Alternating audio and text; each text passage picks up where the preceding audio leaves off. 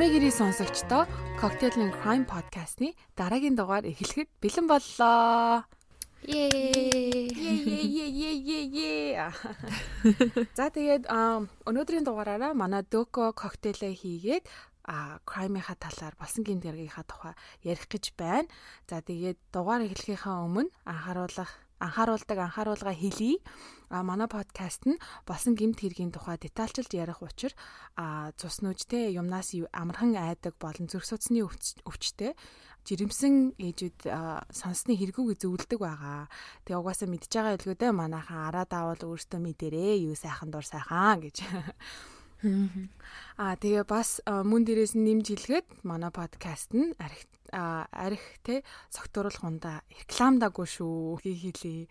За тэгээд өнөөдрийн дугаараар манай дөкөгийн хийсэн коктейл амар гоё харагдаад ах юм. Амар сонирхолтой нэг юм бааху цай ч юм шиг. Бааху цай юу. Нэг гоё цай шиг харагдаад ах. Коктейлийнхаа талаар ярих уу? Аа Төрөчийн дугаар дээр хэлжсэнчлэн те бит хоёр дандаа урд урд нь ашиглаж исэн материалуудаар аль болох гарын доорх материалуудыг ашиглаад бага орцтойгоор коктейлнууд хийхийг хичээж байгаа.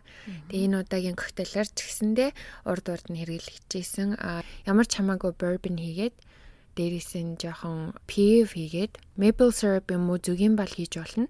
Тэгээ жоохон лимоны шүүсийгээл хутгах чинь. Ерөөсөө сэксрэг шаардлагагүй. Айган дотроо шууд мөстө хутгаал бэлэн амар амархан тэгээд орц найрлагын дэлгэрэнгүй инстаграм болон фейсбુક поозонда тавьчаа таад маань тэгээд сонирхч ивэл дагаа тэгээд үзээрэй. Гоё амттай надад л амар сонирхолтой санагдж байна. Бас юу bourbon тэгээд пив ингээ холно гэсэн чинь сонирн байсан бүртлээ амт бас байна шүү. Гоё байна. Аа. Гаднаас нь харахаар нэг юм гоё мөстэй цай ууж байгаа юм шиг санагдана. Ice tea гэж. Тэгээ ice tea ууж байгаа юм шиг санагдаад. За нэг ийм амттай коктейл хийж өгсөн байна. Баярлалаа. За коктейл таалагдчихлаа. Одоо ярих дугаар нь илүү таалагдана гэдэгт би бол итгэлтэй байна. За тэгээд одоо шууд дугаар руу орох уу? Гол юм руу орох уу? За тэгээд энэ удаагийн дугаар бас урд урдных шиг бас хуртудаан дугаар болох шинжтэй. Тийм болохоор шууд эхлэе. А энэ удаагийн дугаараар ярихаар Joseph D'Angelo буюу одоо алдарт Golden State Killer-ыг сонгож авсан байгаа. Golden State гэдэг нь одоо Америкийн нэгдсэн улсын Калифорни мужийг нэршилдэг одоо хочин гэх юм уу да тий. Тийм хот шиг юм да тий. Тий. Тэгэхээр одоо ойлгомж ойлгоо угаасаа нэрнээсээ ойлгомжтой байгаа ах тий Калифорниад болсон хэргийн тухай ярих чинь. За Joseph James D'Angelo гэдэг хүн болохоор 1945 оны 11 сарын 8-нд Нью-Йорк мужийн Байс хотод төрсөн юм байна.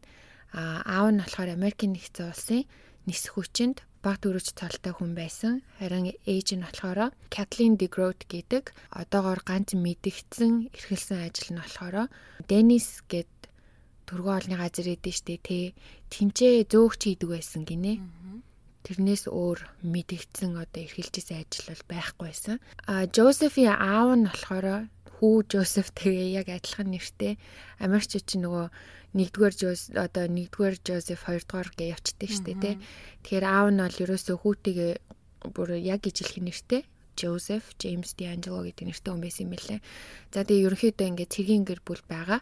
Хэргийн эзэн ярьж байгаа Joseph нь болохоор одоо хүн айлын том хүүхдтэйсэн бөгөөд доороо хоёр эмэгтэй, нэг эрэгтэй дүүтэй байсан. Аав Жозеф нь болохоор тэргийн хүн байсан гэж хэлсэн шүү дээ. Тэгээд дэлхийн 2 дугаар дайнд бас байлдаж исэн юм байна лээ. Аа бас нэг сонирхолтой факт нь аав нь бас албаа хааж явж агаад гэсэн баха Солонгост ямарч исэн ам өргөцсөн юм байлээ 1995 онд. Аав ээж нь яг хэдийд салсан гэдг нь тодорхойгүй ч ямарч исэн Жозефийн эцэг их нь салаад ээж нь өөр нэг хүнтэй сууж насыг одоо насны эцэс хүртлээр хамт амьдэрсэн юм байлээ. За одоо энэ хэрэгээ эзэн Жозефийн хамаатны хэлснээр болохоор эдний гэр бүл ингээ аавыгаа дагаад төр хугацааны төр хугацааны ажиллаар баруун Германд байрлаж исэн юм байна л да. Тэгээ тэр үед Жозефийн нэг эмэгтэй дүүн 7 настай байхдаа хоёр цэрэгт хүчндүүлж байсан юм байна. Тэгээ гол нь тэр яг дүүгээ хүчндүүлж ахад Жозеф 9 настай байсан. Тэгээд яг тэр үед нь тэр хэргийг хоёр нүдэрээ харсан байлээ. Oh my god. Харин тий. Тэгээ дээрэс нь сүүлд бас хоёр дүүгийнх нь нэгнийх нь яриагаар бол Жозефийг баг бахт нь аав нь ганцхан Жозеф болон тэрний ээжийг одоо буюу эхнэрээ энэ хоёрыг л ер нь ихэвчлэн айгүйхтэй гэж дарамталж янз бүрээр бие болон тэг сэтгэлийн гүн хүчрхийлэлд үзүүлдэг байсан гэсэн. Хоёр охиноо их ерөөсө дээрлэхдгүй мөртлөө хүүгээл амир гоочлоод бас их нэрийгээ бас айгүйх зодж моддог байсан гинэ. Энэ явдлууд бол мэдээж хүүхдийн сэтгэл зүйд бага бага багаар ингээд нөлөөллөд явж байгаа байх. 1964 онд Калифорни мужид Жозеф ахлах сургуулаа дүүргэсэн. Тэгээ өсвөр насндаа хулгай хийж амьтанд хамгаалдаг байсныг нь сүулт бас олж мэдцгээсэн. 64 онд ахлах сургуулаа дүүргчээд тэр жилдээ Тэнгисийн цэргийн өвчинд ээлссэн.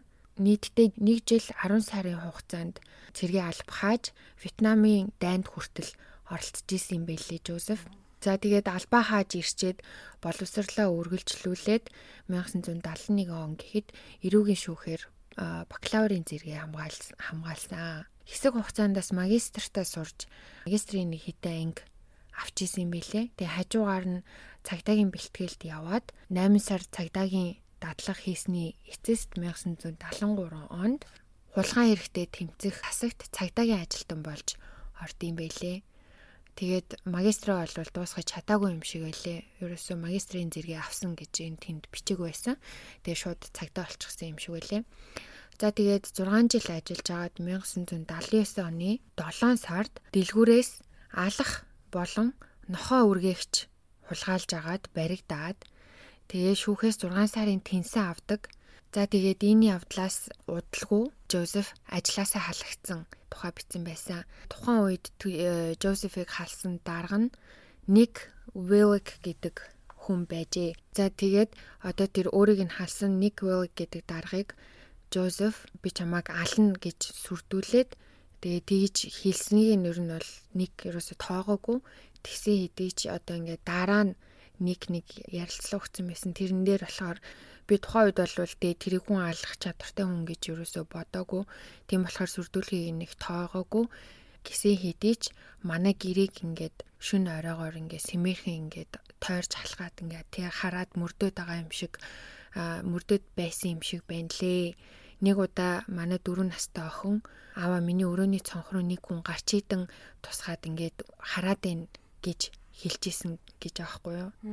Өөрөө бас нэг удаа баг тэрнтэй таарлтгаа шахсан гэсэн гэр дотроо гэр дотор ингээ хулаагаар орцсон явж исэн юм шиг байгаа. Тэгээд өөрийг нь өөрийнх нь унтчихсэн өрөөг нь ололгүй цугтаагаад явсан юм шиг байгаа дуу чимээ гараад. За тэгээд 79 онд хулгай хийж баригдаад одоо ингээд ажилласаа халагдчихлаа штэ тий. Энээс жоохон өмнө болон дараа үед э, хувийн амьдралд нь болж исэн зүйлсээс ярий. 9 жилийн өмнө 1970 онд хамт сурдаг байсан Bonnie Cowell гэдэг бүсгүүтэй сүү тавьсан. Гэвч удалгүй Bonnie сүүгээ цуцалсан баг. Яагаад зүгээ цуцалсан гэхлээр Жозеф э, ер нь маш хэрцгий амар тийм сонин сонин зүйлсийг Бонигоор бэлгийн харилцааны үед амар хийлэх гээд байдаг байсан юм байна лээ.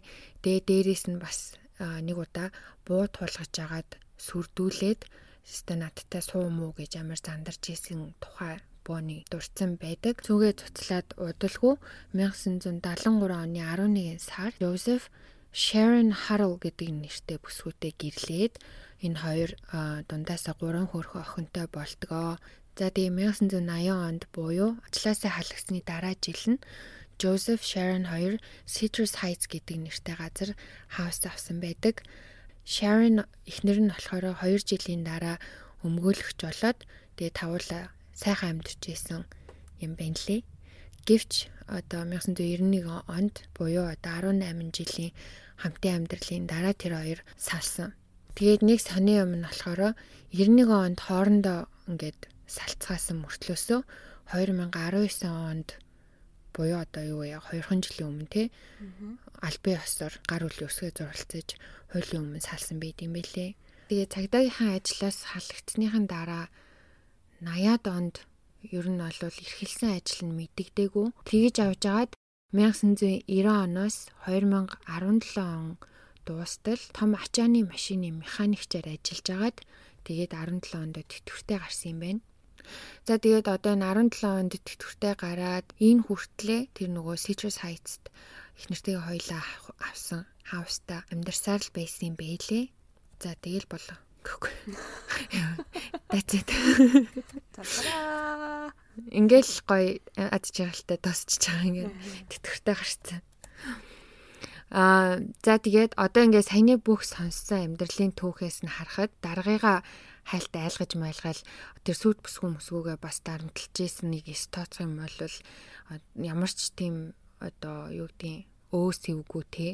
Завгүй тэгэл мундаг ингээл сураал сураал төгсөөл төгсөөл тэнгүүтээ цагдаа болоод алав хаагаал бүр дайн төртөл яваал те.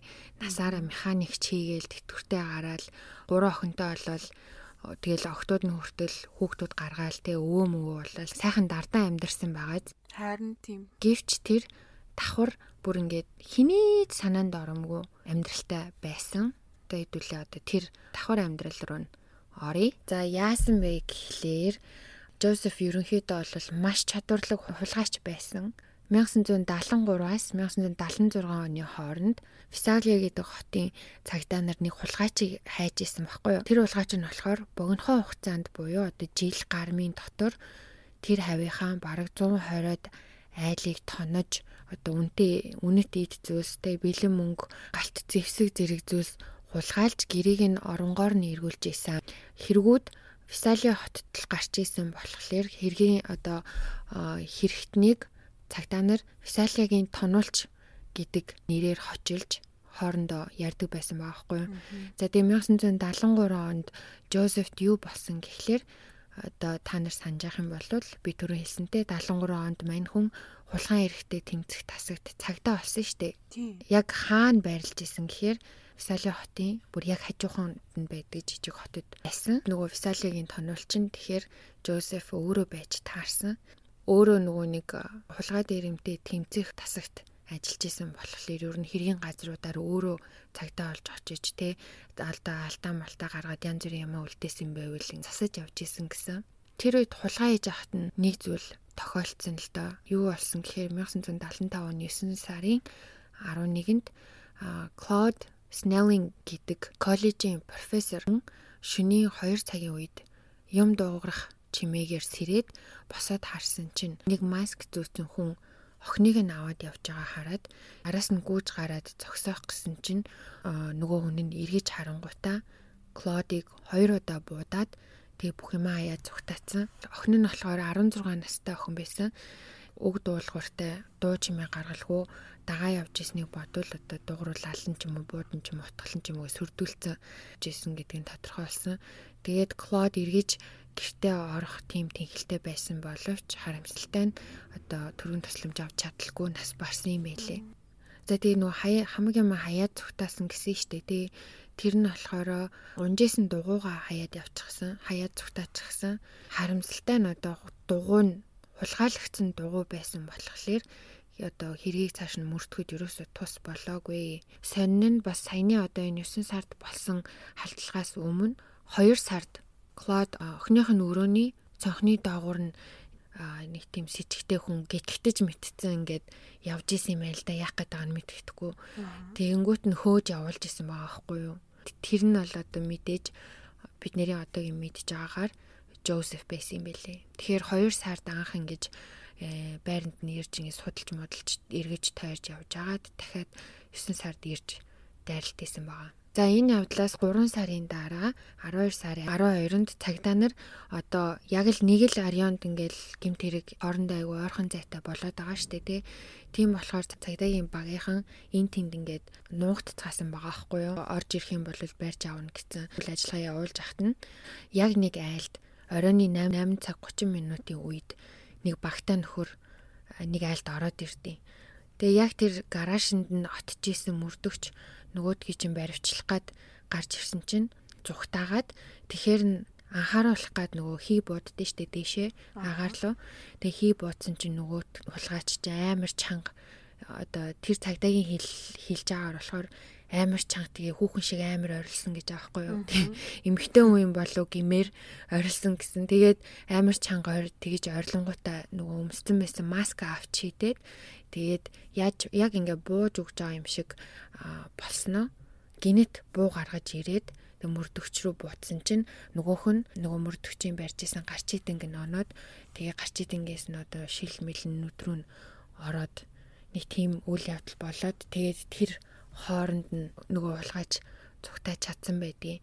А яг энэ үйл явдлаас болохоор Жозефос гарч идэн тэгээ гутлын мөр тэгээ айлаас сулгаалцсан байсан тийм зооснууд дээсэн байсан. Тэгээд эднэрийг нь эд мөрийн байранд болгож тухайн үедээ авч хадгалсан юм байлээ. За 73-аас 76 нэг иймэрхүүтэй баахан хулгай хийсэн. 120 айл хулгай хийсэн гэсэн тий.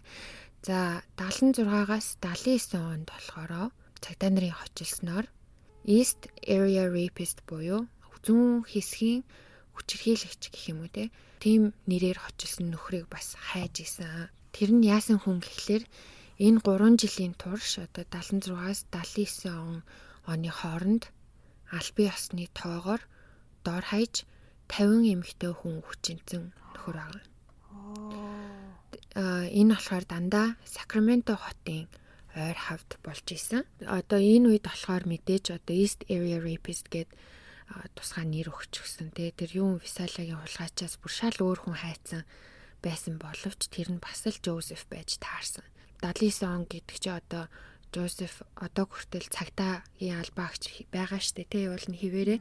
Тэгэхээр одоо цагдаагийн албаагч ижиж дөрөв цаг ахсын зайтай газар байнга машина бариад яваад исэн бахта гэж ботсон чинь 1976 онд ажлын шаардлагаар Сакраментогоос 20 минутын зайтай газар Жозефиг нүүлгсэн юм байлээ. Тэгээд нөгөө нэг их нэртэйгээ хамт 80 онд хаус авсан гэж хэлсэн шүү дээ тий. Тэр хаусны байршил нь ч гэсэндээ яг энэ хавтаа. За одоо ингээд угаасаа бидний харж байгаачлан одоо сонсож байгаачлан гэх юм уу те. Жозеф хулгайч яаж агаад одоо л хүчирхийлэгч болж дамж ирсэн байж тээ те. Тэгээд ер нь хохирогчоо маш их судалж дүүсэн бэлээ. Дандаа дундаж давхаргын гэртээ ихэвчлэн ганцаараа байдаг 2 3 давхар биш тийм нэг нь ганцхан давхар тийм хаустай эмэгтэйчүүдийг онилж хид хид удаа гэрээр нь орж гарч те судалгаа хийж агаад дайрдаг байсан юм байлээ. Гэр мэрээр нь ингээд орж гарахтаа арын алганыхын цоожийг нь онгойлгодог ч юм уу цонхны дүгжийг нь тайлаад жоохон завсар масар гаргаад ч юм уу те. Дандаа нэг тийм балиар дараа нь орж ирэхдээ ашигтай нэг тийм юм хийжээ явдаг байсан байгаа байхгүй юу. Хохирогчтой одоо сонгохдоо бас гэрлүүн удаа дараа залгангуудаа худлаа нэр хэлж худлаа хүн асуугаад өө тэр байна уу энэ байна уу гэд. Тэнгууд нөгөөдөл нь одоо хэлэн штэ. Өө тийм хүн байхгүй юм хүн байхгүй одоо юу утас андуураад байна. Эсвэл одоо надаас өөр хүн байхгүй ч уу гэж хэлчихлээр нөгөөдөл нь одоо өгөөш болчдөг гэсэн байгаа байхгүй тий тэгэхээр одоо танихгүй хүнд хаалгаа тайлж өгөхгүй нэ шүү манайхаа гэр орондоо холхиулж болохгүй нэ уцаар одоо ямар ямар ямар нэг тийм информац өгөхгүй нэ гэртээ ганцаараа исэн чи олоолаа байгаа юм шиг л сэтгэл төрүүлэх хэрэгтэй байх нь штэ. Манайхан дугуй ээжи гэж байгаа л хаалгаа онголох нь штэ. Тий. Шаарлах. Яг үнэ. Мм. Наад буугаад доош нь хийжээ гэжсэн онголгож энэ тэ. За анхандаа болохоор ингэж ер нь ганцаараа байгаа эмгтээчүүдийг онилж исэн. Тэгээд удалгүй хосуудыг онилдог болсон. За. Зориг орж эхэлж байна. Яг үнэ. Одоо ингээл алхам алхамаар гүнзгийрээ л агаад орой удаж гэрт нь хулгаагаар ингэж сэмэрхэн ороод тэгээ гинт гарч ирэнгүүтээ бууд хулгаж айлгаад тэгээд өөрийнхөө хэрэгшээлд оруулдаг байсан юм байлээ. Тэгээ хөвчлэн гар хөлийн үл хүлж хэвтүүлээд тэгээд эрэгтэй дээр нь болохоор ингээд тавгнууд үрж тавиад за энэ тавгнууд ингээд чи ямар нэгэн байдлаар хөдлөөд Тэгээд энэ тавгнууд ингээ хоорондоо хавралдаж дуу гаргах юм бол би чамайг ирээд тэгээд газар дээр чинь алын шүү малын шүү гэж хэлээд тэгэнгүүтээ нөгөө эмэгтэйг өөр өөрөөр чирж аваачаад хүчрхийлдэг байсан юм байлээ. Тэгээ бас хамгийн амар нь одоо тэр хохирогчдын герт нь бүр нэг тийм өөрийнхөө гэр шигтэй хідэн цагаарч бүр гэрт нь байдаг гэж аахгүй телевиз үзүүл үзээл бүр ямар даварцсан тий одоо галтгоонд нь ороод хоол эргүүлээл пивми байвал пивийг авч уугаал гэдэг юм уу те. Тийм байдалтай байдаг гэсэн гэсэн. Тэгээд ингээ албаар эн тэнд ингэж явцсан юм шиг гинт ингэж дугаа алж молоод тэнгууд мэдээж хүм хүн л осон байх нөгөө айц нөгөө хүлээс мүлээсээ тайлах гал хөдлөөл янз бүр болол эхлэн штэ тий. Тэнгүүт нь гинт гарч ирж айлгаж майлгаад өстө амар муухай тийм одоо сэтгэл санааны дарамт өгдөг гэсэн юм бэлээ. Юу юм бэ аасан? Тийм. Тэгээ явхтаа бас ингээд зүгээрч гараа авчихгүй бас сэмэрхэн гитэж мэтэж юу ч дуурах муурахгүйгээр гарч явдаг байсан баахгүй юу. Тэгэхээр нөгөө хохирогчд нэг удаа гинт гарч ирээ айлгцсан те тэнгууд за одоо дахиад хизээ гараад ирэх юм бол гэд ер нь явсан юм болов уу юм болов гэд ингээ айгаад хөдөлгөөнгөө маш удаан ингээд бүр хөрх юм ингээд одоо юу гэдэг чимээ чагнаж байцгаадаг байсан баахгүй юу. Гар хөлийн уяхта амар чанга уйдаг байсан гэсэн бас чанга уйснаас нь болоод тэр хүмүүс нь одоо хүлээнээсээ гарсны дараа бараг хідэн цагаар бүр хідэн өдрөөч хідэн өдрөөр ч гэсэн мэдрэлээ алтчихсан байдаг байсан гэсэн. За тэгэж авч аваад 1978 оны 2 сарын 2-нд Brian Katie гэдэг нэртэй хоёр хос нохоогоос салхилуулаад явж исэн гинэ тэр Sacramento хавьд. Тэгээд яг тэр алхаж исэн хавьд нь болохоор 5 хүчингийн хэрэг гарчихсан байсан тийм одоо Орион юм байна л да. Тэгээд яг тэргээр явж исэн чинь нэг хүнтэй таарад тэрнээсээ зүгтааж ахта нөгөөтгөндөө буудулж нас барсан юм бэлээ. Аа бид одоо сүулт олж мэдснээр бол Жозеф байсан нь тогтоогдсон. Одоо тэгэхээр хулгайч айж агаад хүчирхийлэгч болж агаад одоо хүн алчлаа шүү дээ. Аа. Бүр левел нэмэгдээл ах юм аа нэг тоглоом тоглож байгаа юм шиг. Харин тий Одоо тэгэнгүүт яг чиний хэлдэг левел нэмэгдэж гэдэг шиг 79 оноос 86 оны хоорондох үйл явдлыг ярий. Энэ бас их сонирхолтой санагдсан. Би өөрөө бас мдээгүй байсан. Яасан гэхээр энэ үед болохоор цагдаа нар Night Stalker гэж хочилсон хүнийг хайж исэн байхгүй юу? Одоо тэгэхээр цагдаа нар ингээд гурван тусдаа өөр хүмүүсийг одоо Калифорни мужийн гурван өөр хотод хайгаад байгаа байхгүй юу те. Нэг нь болохоор Весауягийн хулгайч гэж хүнийг хоёр дахь нь болохоор Sacramento East Area Rapist-ийг хайж байгаа. Одоо гурав дахь нь Night Stalker-ыг болохоор Santa Barbara гэдэг хотод хайж байгаа. А Santa Barbara нь болохоор тэр Sacramento гэдэг түрүүний ярьсан хотоос болохоор 6 цагийн зайтай Лос Анжелес хоттой илүү ойрхон тийм хот байгаа байхгүй юу? За тэгээд 79 оноос 86 оны хооронд Night Stalker-ыг хайжаа гэсэн штэ тий. Тэнгүүд одоо манай хэд бас бодож байгаа ах тий. Night Stalker гэдэг чинь юу вэ? Richard Ramirez биш юм уу? Та нар чинь тэгж яриадсан мэт дээ. Тэгэхээр Richard Ramirez чинь болохоор 1984 оноос 85 оны хооронд хамаг алалгаа хийсэн штэ тий.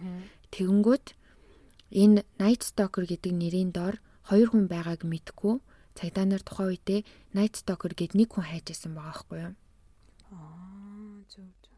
Ramirez утгагүй баригдаад нөгөө Night Stalker гэдэг нэрээрээ илүү олонд танигдаад ирсэн чинь одоо нөгөө 79-оос 86 оны хооронд одоо Ричардын хийгээгүй нөгөө үлдсэн хохирогчдыг өөр хүн алсан болж таарж штэ. Тэгэнгүүт нөгөөдхөө болохоор цаг хугацааны үед ч гэсэн өмнө ихэлсэн учраас а Night Stalker гэдэг нэрээр нь гэхдээ original Night Stalker гэж очилсан байлээ.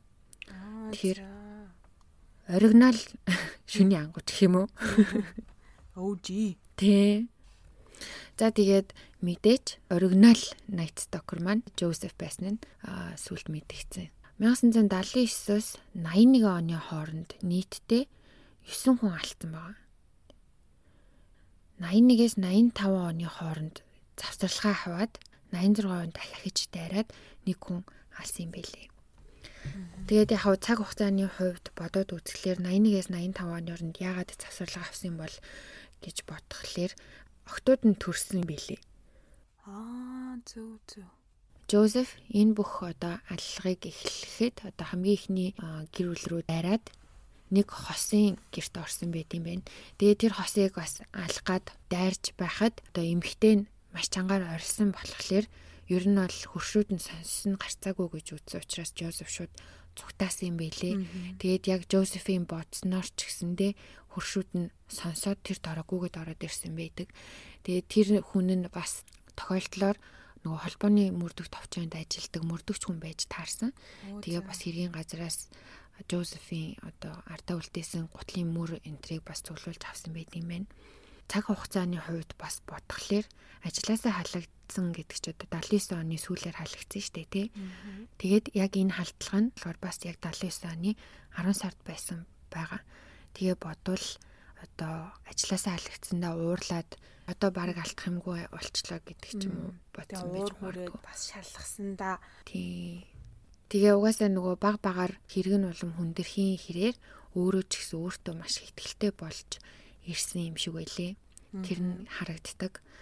Энэ бүх зүйл болж ах хооронд Жозеф өөрөө цагдаа руу, телевизийнхан руу тэгээ бас хохирогчд руугаа холбоо тогтоодог байсан ба.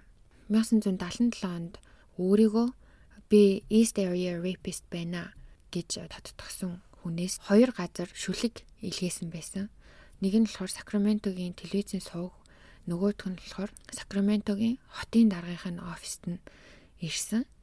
Тэгээд тэрэн дээр болохоор сүүлийн хэдэн мөрөн дээр бол миний амьдралын тухай кино хий энтер гэсэн тэгснээ а зургатаар юм юм уу хэвлэл мэдээллийн баг хурлаар уулзъя энтер гээд бичсэн байсан. Тэгээд бас дээрэс нь тэр шүлгэндээ хоёлаа урд нь халь холвины дугаар дээр хальт ярьж исэн дээ. Дэвид Берковиц гэдэг залуу нөгөө хөрших нь нохой намайга хостоод намайг надаар хүн алуулаадсэн гэдэг. Son of Sam гэж хочилдог хүн. Тэрний нэрийг иш татаад одоо тухайн үед Son of Sam бас байршлагтай удааг байсан юм шиг байгаа.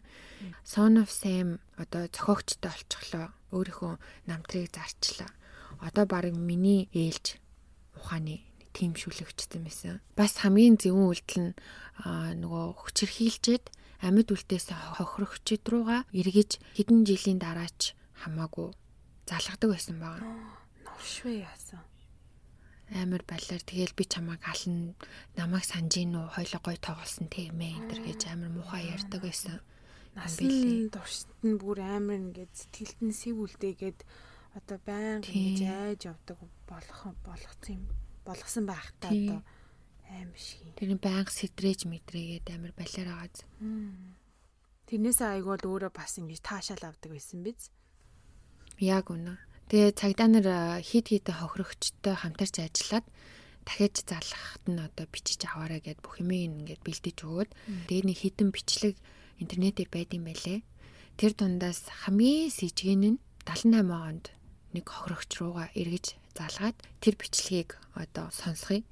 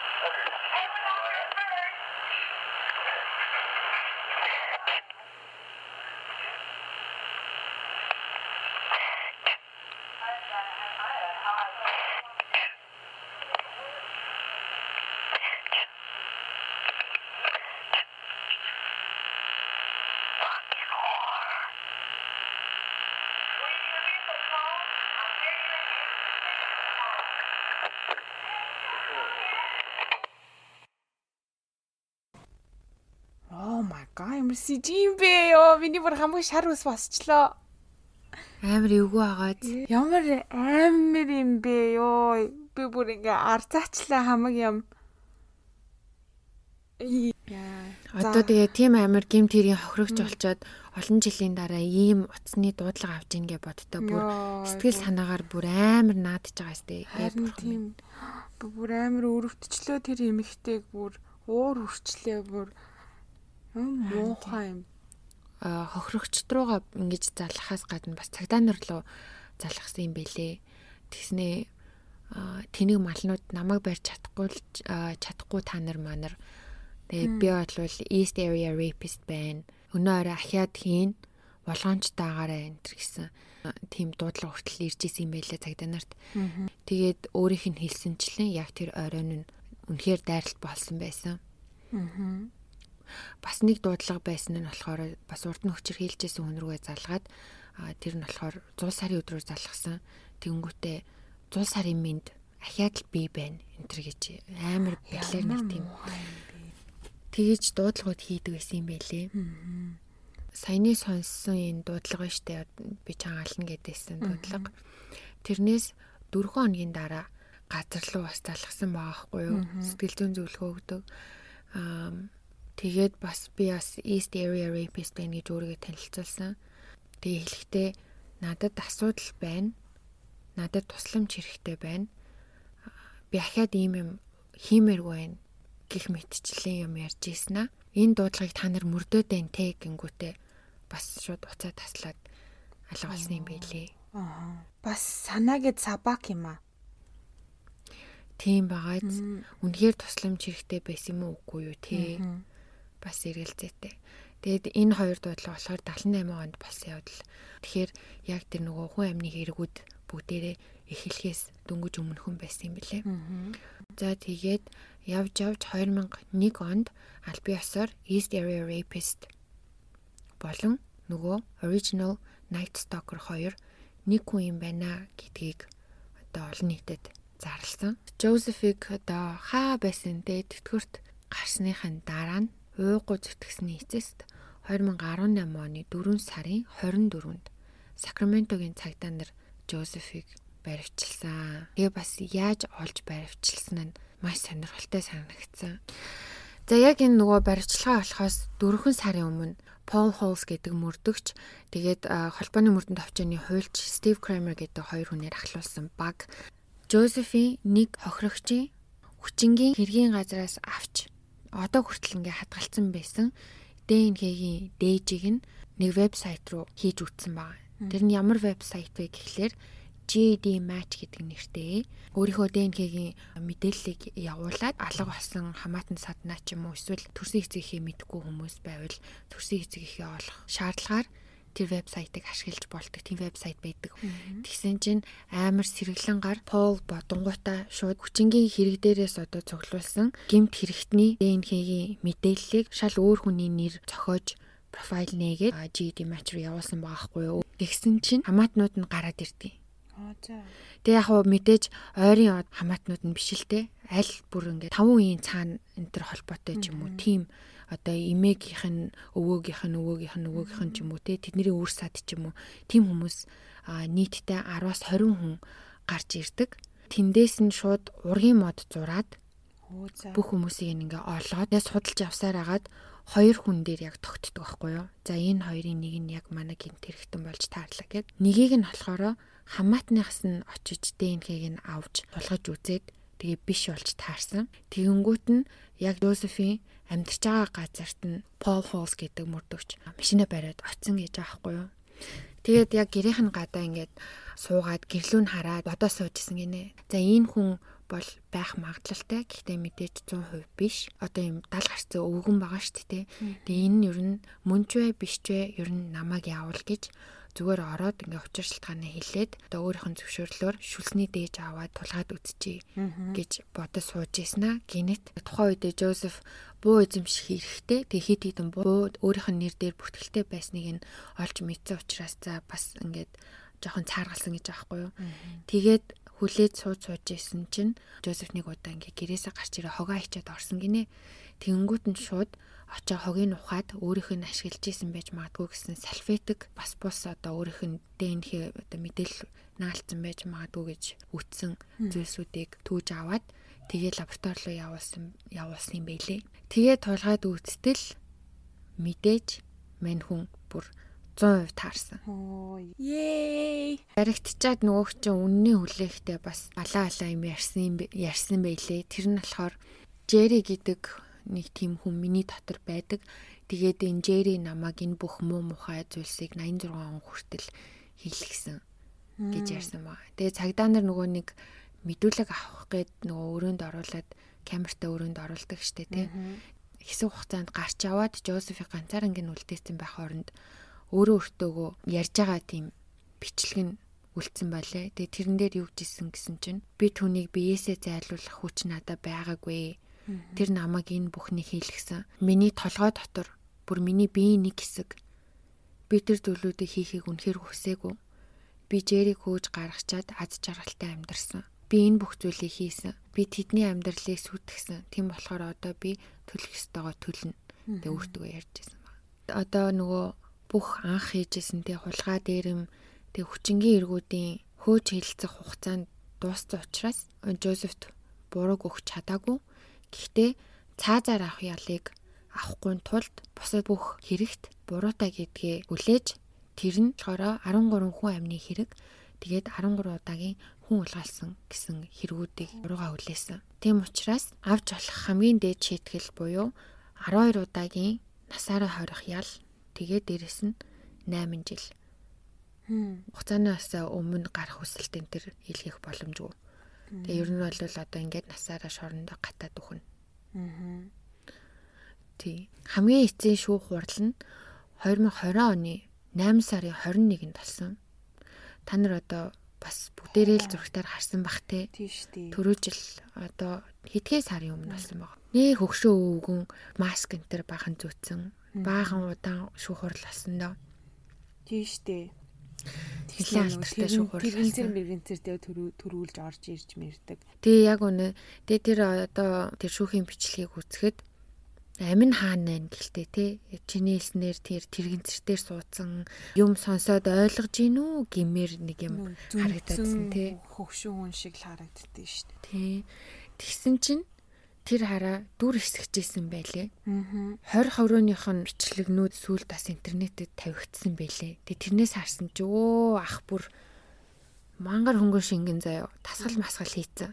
Надаасаа дээр тэгснээ хоёр давхар тийм ор эдэн штэ шоронгийн тэрний хоёр давхар дээр нь унтдаг за тэнгуүтээ тэр дээшээ зүгээр сүп сүп гэл гарчиж илээ бас тэгээ тэр хүмүүс хүмүүс юм яриад одоо хохирогчд бүгдээрээ ингээл э, хэлэхүүгээ хэлээл яж хат чинь зүгээр чихэн юм дуулд юм уу гэмээр л юм суугаадсан мэт нэг тийм царайтай тэгсэн мөртлөө. Ямар муухай тийм би тэр хэсгийг нь мдээгүй юм бэ ямар ч хэсэн нэг шүүхийн өөр танхимд байгаа бичлэгийг нь харчаад ээш энэ одоо бараг зүгээр хамаг хэрэгээ хүлээгээд зүгээр тэр чигээр одоо дуусаасаа гэж бодож исэн чинь бас аа.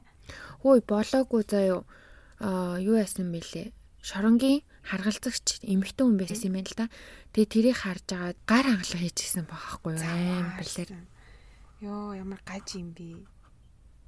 Тий. Өөрийнх нь хэлж агаар одоо 86 онд оноос хойш юусоо гэмт хэрэг хийгээгүй гэж байгаа байхгүй юу.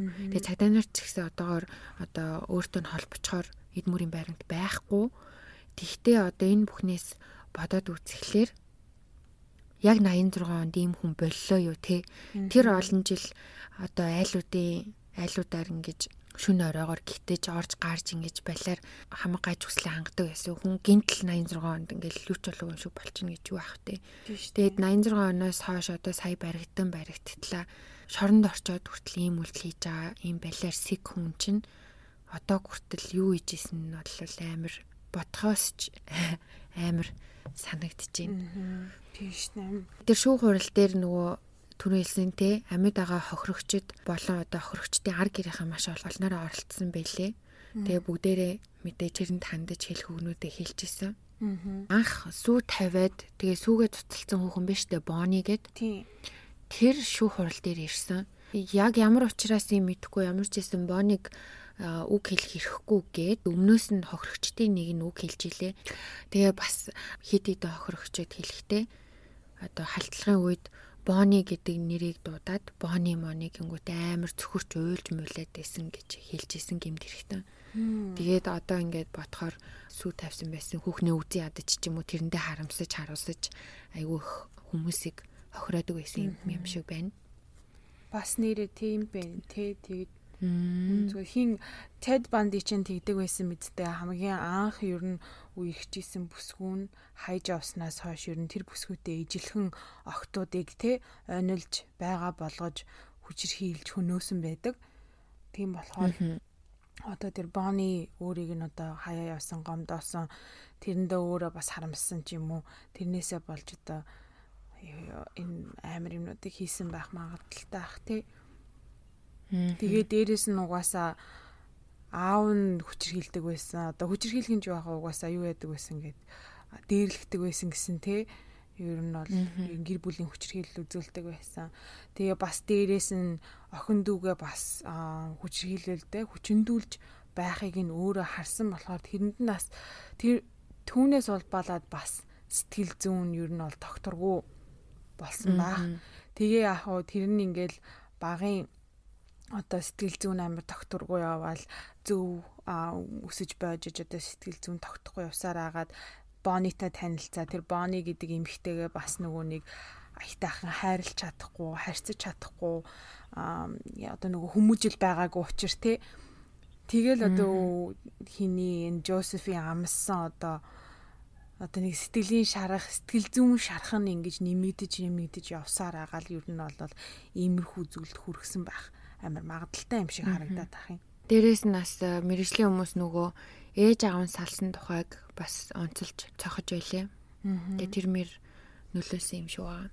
Өөрөө бас тэгснээ амтан эднэр тамалдаг байсан гэд тэгжсэн тий. Тий, тэр нь бас сүлд мэдгцэн. Ер нь бол а цуврал алуурчдын классик нэг шинж тэмдгүүдийн нэг болоо явчлаа. Тэг угаасаа бас нөгөө хүчир хийл гэр бүлийн хүчир хийлэл амтэн тамалдаг байсан. Том болоод одоо тэр Вьетнамын дайманд явж байхдаа яасан юм бол 9 шидийн юм харсан юм болоо. Би бас нөгөө дайнд явж исэн гэ сонсчоод бас илаа. А тийм дайнд ажинд явсан хүмүүс чинь бас PTSD-тэй болцсон ирдэ штэ. А сэтгэл санаа нь тэр харсан үтсэн аимшиг юм а давн дийлж чадахгүй тэрнээсээ болоод трауманд орчдөг тийм трауманд орчдөг. Тэгээ тэрнээсээ болоод бас нөгөө нэг зэргээс ирчээд хулгай зэлгийн хийдэг байсан юм болоо а нөгөө хулгай хийдэг одоо заримдаа хүүхдүүд ингээд хулгай мулгай хийгээл ээж аваа төрөвшнс мөнгө зөнгө аваад тэгдэж штэ. А тэр үед болохоор нөгөө юу байдэн штэ зарим угаасаа сэтгэл зүйн сэтгэл зүйн одоо шинжлэх ухаанд ямарваа нэг юм траума болсон ямарваа нэг юм тэр хүүхдийн сэтгэлийг зовоогоод байгаа учраас бас ингэж а яаж сэтгэл хөдлөлөө илэрхийлэхээ мэдэхгүй хулгай зэлгийг хийж өөр дээр анхаарлыг тавихыг оролддог тийм учраас бас ингээ хулгай зэлгийг хийж эхэлсэн болов би бас яг ярьж байгаа чинь тиймэрхүү юм бодоо сууж илаа ааха. Тэгэл хамгийн амар нь бас те энэ бүх хугацаанд ерөөсөө сэжиглэгдээг байгаа байхгүй юу? Огт сэжиглэгдээгүй. Хэдэн онд үлээдээ бас нэг 80-аад онд л байсан. Амар жижигхэн хэрэгт орооцолтоод бензин колокийн дэлгүүрээс юм булгаалсан ч илүү нэг тиймэрхүү хэрэгт орооцолтоод тэр нь болохоор нөгөө колонкийн хүүхэн өөр хүнийг Жозефтэй андуурсан байсан. Яг үнэндээ Жозеф буруугүй олж таарад тэгэнгүүтээ буруугүй үнийг гүтгэлээгээд баахан мөнгө чаардаж шүүхтээд тэгээл сте чухмал зүгээр буруугүй ерөөсөө л цав цагаахан түүхтэй. Тим хүн байсан байгаа байхгүй юу? Өршөөд болон одоо таньдаг хүмүүсийнх нь яриагаар бол яхав зүгээр нэг тийм төргөн ууртай дүрс гээд асчдаг. Хаяа хаяа гэртээ ч юм уу ингээд өвс мөсөө хадаад хашаандаа яж байхдаа амар чангаар харааж харааж маргаал ингээд өөрөө өөртөө яриад орилж морилдог. Тэгсэн мөртлөө дараа нь тэр одоо хуршүүдээсээ тэр авах хүмүүсээ суучлт гуйчдаг байсан. Тим хүн байсан. Тэгээ хүмүүс ерөөсөө тийм гимтэй хүн гэж юусоо боддгоо байсан гэж аахгүй юу. Хамгийн муугаар хэлж байгаа нь л инээс. Бас саяхан Netflix дээр Night Stalker гэдэг Richard-ийн тухай нэг хитэн ангитай баримтат кино гарсан шүү дээ тий хоёлаас үзээгүй байгаа хамт үзнэ гэж хадгалсан байгаа. Манай хоёр нь хинхэн үтцсэн юм шиг байлээ.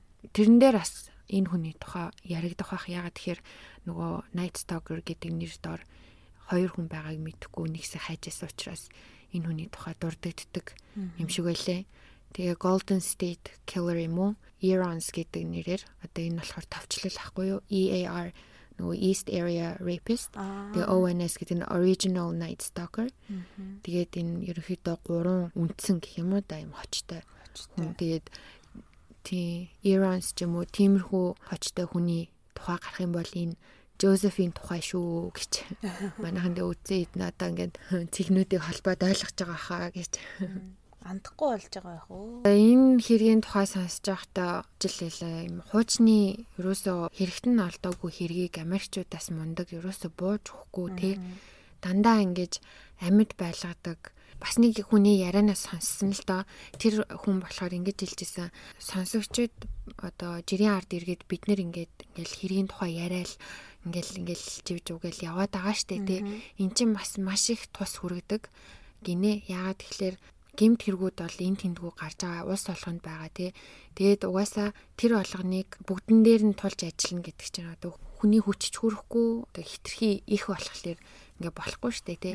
Тийм болохоор ингээд ийм хуучин хэргийг ч гэсэндээ одоо хүртэл амьдруулж байгаа бас нэг гол шалтгаан одоо гол хүчин зүйл нь одоо хүмүүсийн яриа байгаа гэж аахгүй. Тэгэхээр одоо энэ олон подкастууд, энэ олон ютуберүүд, энэ олон судлаачид, энэ олон хоббигоороо ингэж хэрэг мөрддөг одоо бие дааж мөрддөг хүмүүс болвол зүгээр ч нэг юм хобби биш бас цаагаараа хүмүүсийн амьдралд шууд нөлөөлдөг гэдгийг ярьж исэн. Тэгээ тэрийг сонсчоод бас нэрээ тийм шүү тий гэж бодчихсон. Зүгээр нэг мартагдсан хэрэг биш болгоод ингээд амьд байлгаад байгаа юм. Тий, байнга одоо хүмүүс ярьж ийн гэдэг чинь цагдаа нарт байнга сануулж ийн л гэсэн үг л байхгүй тий. Та нар энийг ингээд одоо хүмүүс одоо хүртэл санаж байгаа шүү энэ хэргийг энэ нэр дээр ажиллаж байгаа гэдэг нэг цаагаараа шахаад байгаа юм шигтэй. Тэгдэг гэж ярьж исэн. Харамсалтай нь манай монголчууд ерөөсөө тэр хэрүүүүдийг тэгж дэлгэрэнгүй хоорондоо ярьдаггүй. Яагаад ч юм ерөөсөө ярьж болохгүй сэдв юм шиг байдаг те. Тэгэл ярьдаггүй үндсэн дээр одоо амар олон хүмүүсийн амь хохирол үлдчихлээ. Миний санаж байгаагаар бол тэр залуухан залуухан хүмүүстэй хүний бусдын гарт амир өгтчихэд хахад шууд хэргийг нь бүр ямар ч тэнэг хүн хараад гатны нөлөөтэй байхад шууд хаагаад байгаа нь бүр амар том мафт байгаа юм шиг те бас харамсалтай. Айгу амар санагдаад тийм.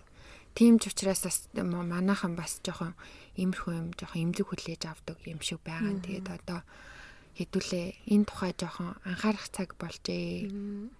Одоо ингээл 9 шидийн хэрэг гарч байгаад нөгөө нэг монголчуудын нөгөө шууралт биш үү? Тэр шууралтаа ингээд ерөөсөө юу яахгүй да багсахгүй бас ингээд учрыг нь олтол бас хүмүүсээс ингээд цохих хүмүүсээс нь шаардлага тэг тавьж ингээд шуураал ах хэвээр юм шиг санагддээ шүү дээ. Байн байн яриад. Аа харин тийм ийм байна. За тэгээд энэ хэргийг илрүүлэхэд ДНХ-гийн шинжилгээ ухаан бүр үнэхээр бол үүрэг оройлог гүйцэтгэлээ шүү дээ. Мэдхгүй хүмүүс байвал ДНХ гэдэг нь яг юу юм бэ гэдэг талаар нэг товчхон мэдээлэл маягийн мөхчий гэж бод бодсон. ДНХ гэдэг нь болохоор desoxyribonuklein хүчил гэсэн үгний товчлол. ДНХ нь том хэмжээний цогц молекул ба гений мэдээллийг хадгалж дамжуулах үүрэгтэй юм байна. Бүх хүмүүсийн одоо бидний ДНХ-гийн 99.9% нь ууг нь хоорондоо ижилхэн байдаг гинэ. Яг юу биднийг тодорхойлоод тодтоход өөр яг зөвхөн би цар ганц дөөкөө гэдэг нь ба гэхлээр тэр нь яг тэр үлдсэн 0.1% дээр байгаа мэдээлэл өгдөг гинэ. Энэ нь болохоор хоорондоо яг усны тусал шиг ижилхэн ихрүүд байдаг штэ тий. Тэд нэр хоорондоо бас ижил төстэй юм байдаг юм шиг байгаа. Тэгээ бусад хүмүүстээр бол бүгд өөр гэж байгаа. ДНХ-гийн шинжилгээ ухааныг хэрэгтэн болон хохирогч танихад 90-ад оноос хойш ашиглаж эхэлсэн юм байлээ. Өмнө нь болохоор тийм үсний ширхэг тэгэл хурууныхээ энтрийг микроскопоор ингэж харж шинжилдэг байсан шүү дээ тий.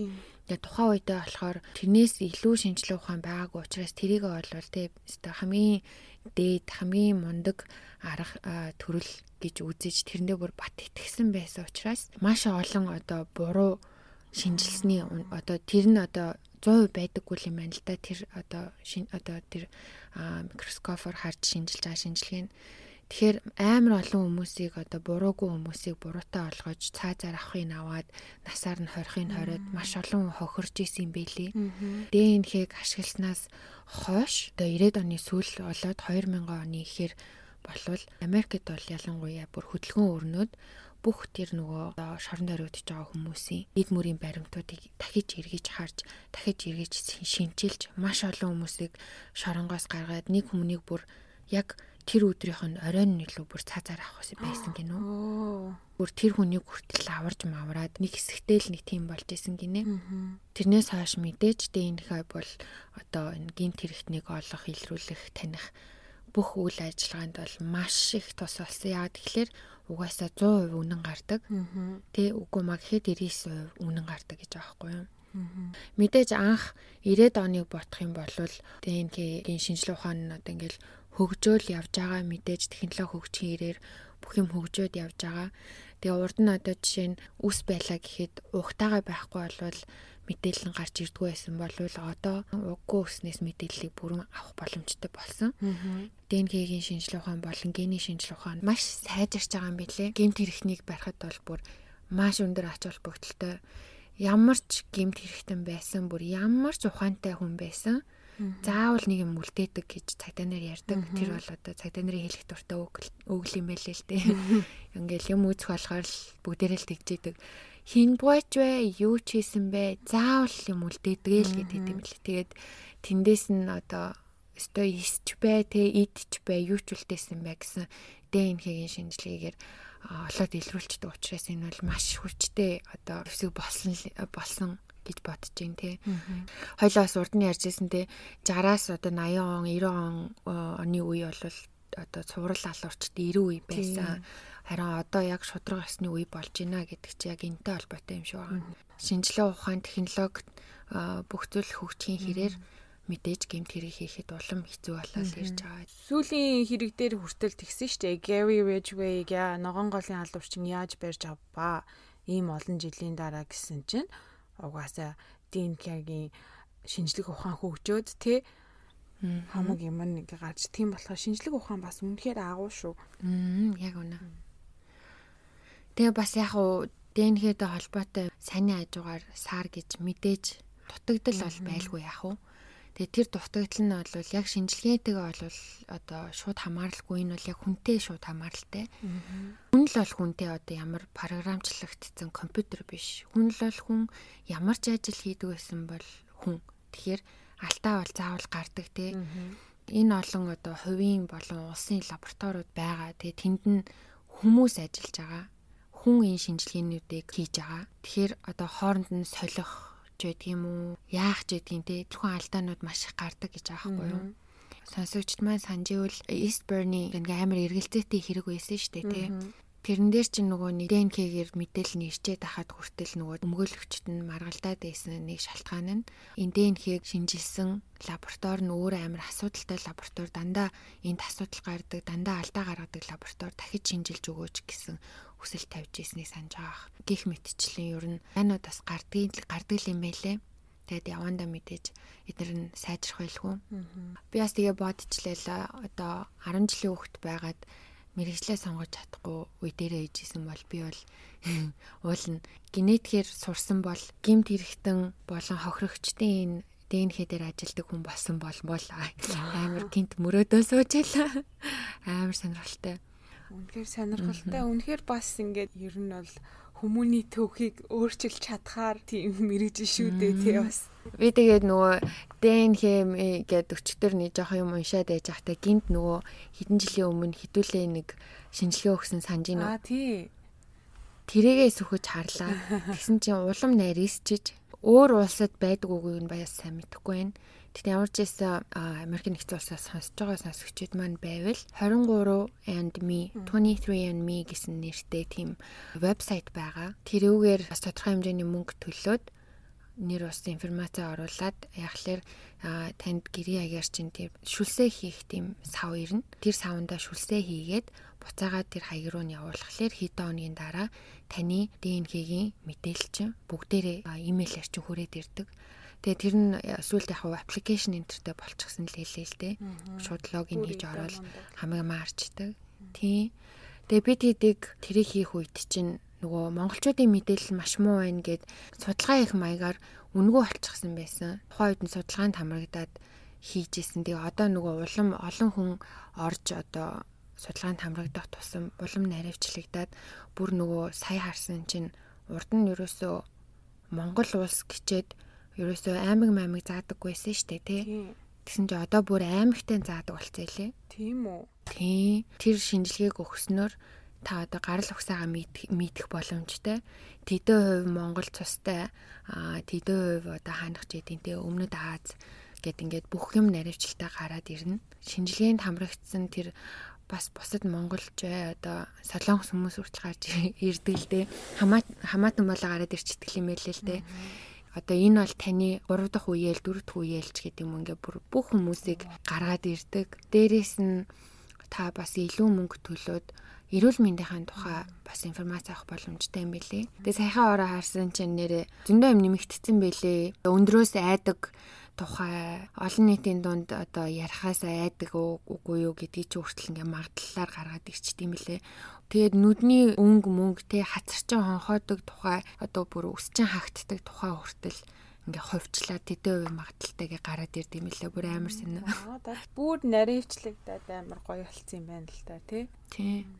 Тэгээс монгол хэл дээр мэдээлэл хайж исэн чинь нэрээ ийм ийм юу олсон дээ. Таад бас ухаад үзээрэй за. Generic test CGMN гэд вебсайт байгаа байхгүй юу.